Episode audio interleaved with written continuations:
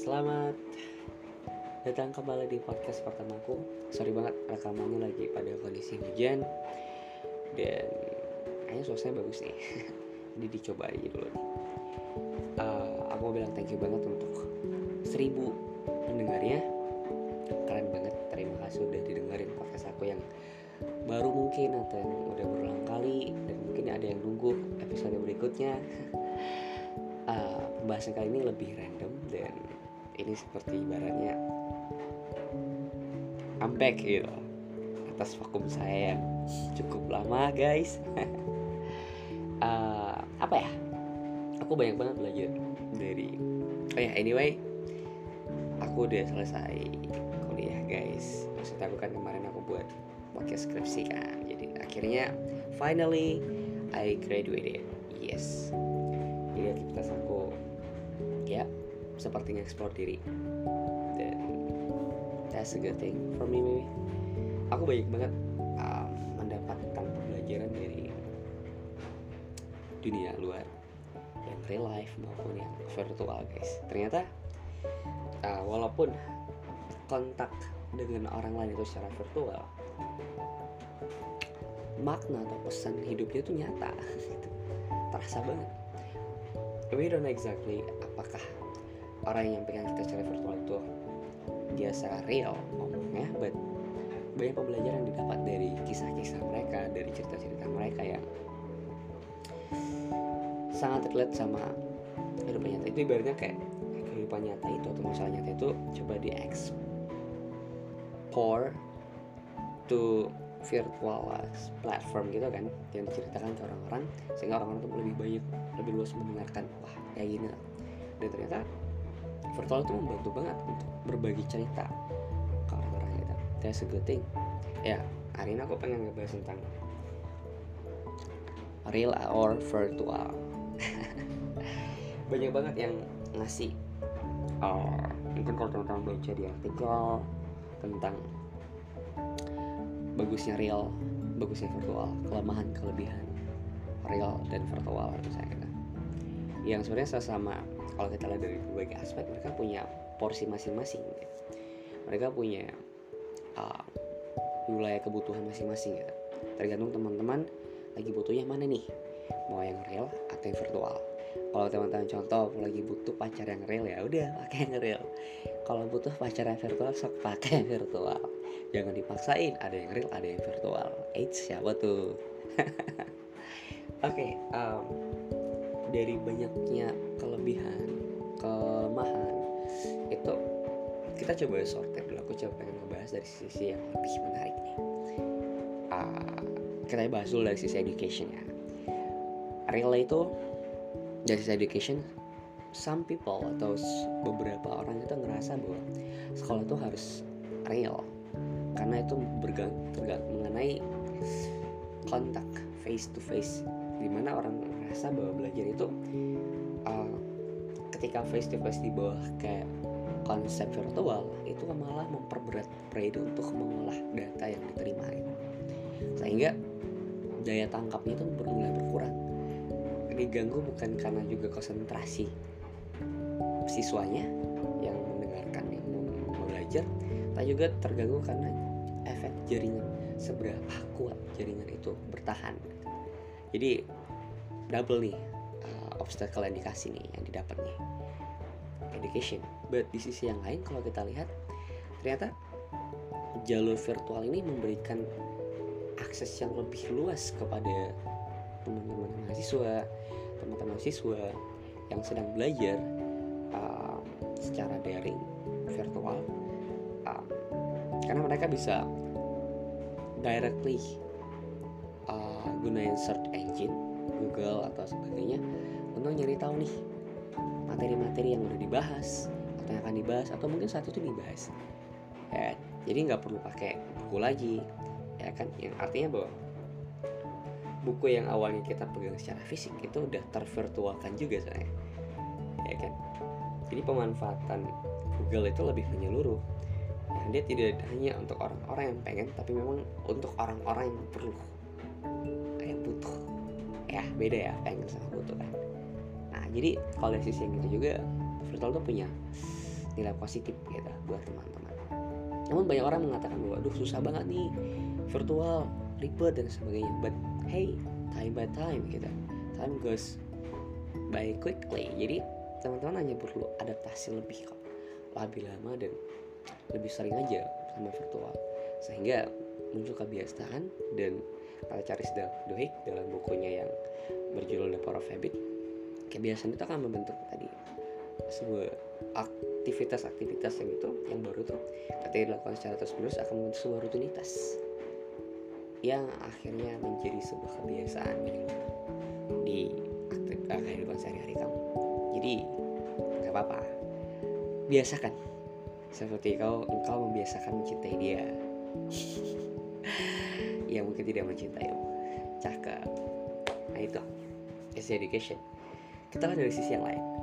Um, tapi nah itu untuk anak-anak ya. Ada sebagian juga yang merasa bahwa kuliah itu dengan virtual class susah but sebenarnya akibat pandemi ini banyak hal-hal positif kok yang masuk gitu inovasi-inovasi uh, online learning yang uh, learning yang luar biasa cepat banget terekspos di tengah-tengah pandemi ya, masyarakat dalam masa pandemi ini.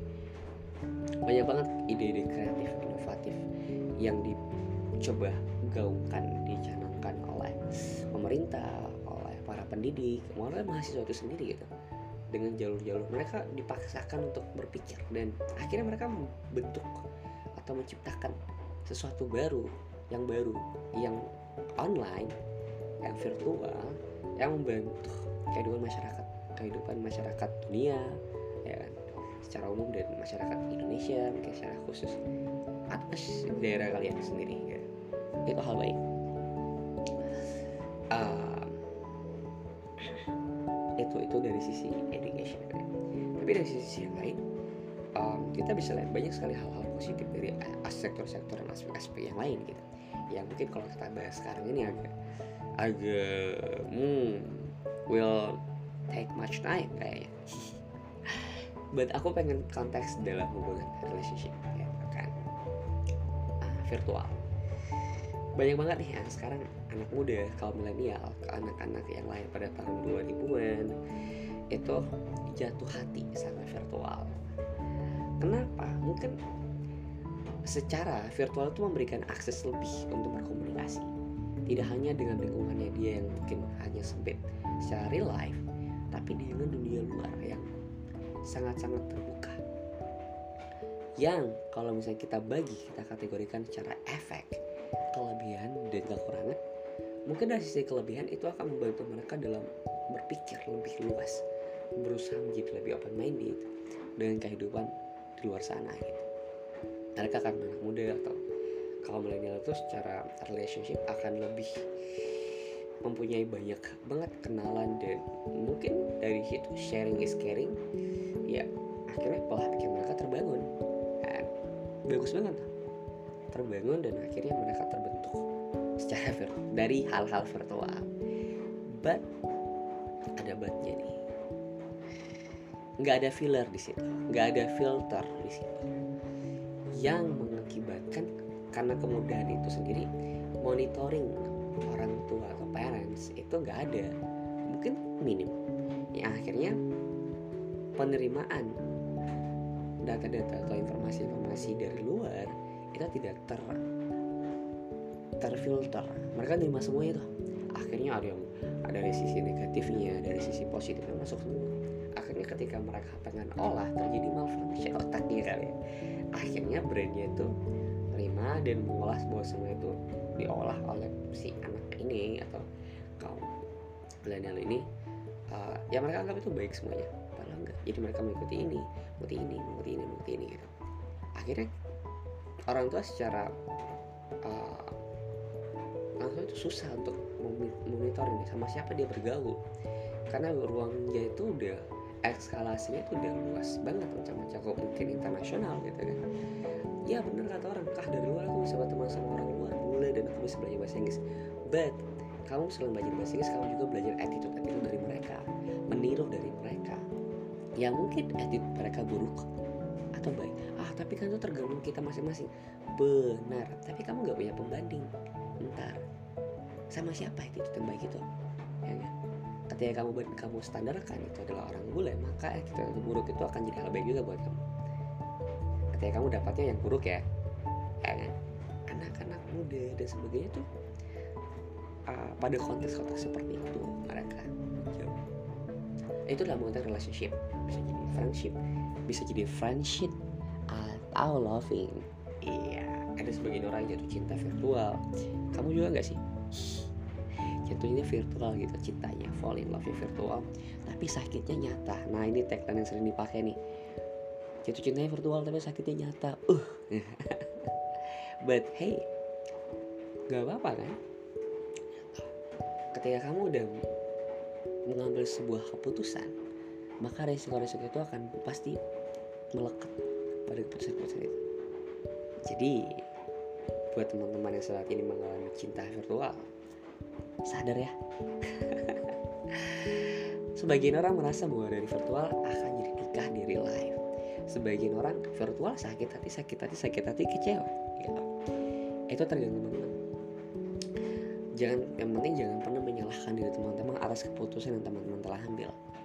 Ketika teman-teman siap jatuh cinta secara virtual maka siap juga jatuh sakit hatinya secara nyata. Ya. Yeah. that's the how actually work, work works. Ya. Itulah cara dunia bekerja. Ya jangan pernah percaya pada hal-hal yang sifatnya unreal. Maksudnya gimana bang? Iya cinta. Oh jadi cinta itu unreal bang?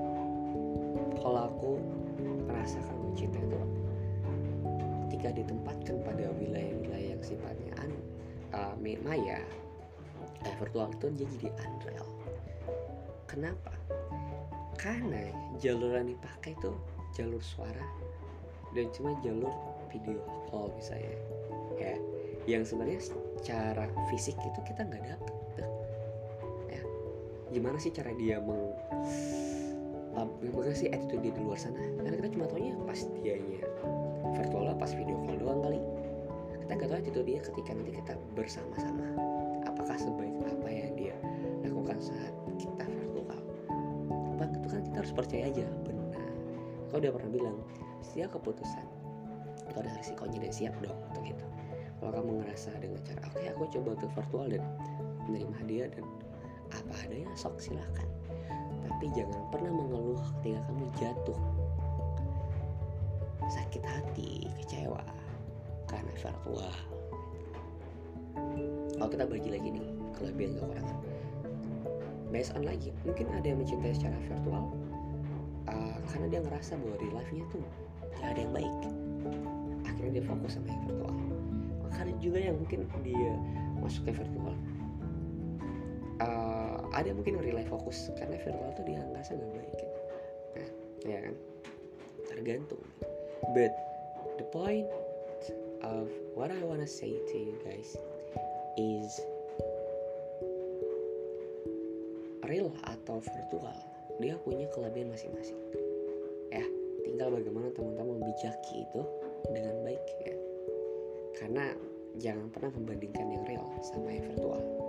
Jangan pernah membandingkan yang virtual sama yang real. Mereka punya porsi masing-masing. Ketika teman-teman udah masuk ke yang virtual itulah porsi dia secara real jangan pernah dibandingkan dengan yang real.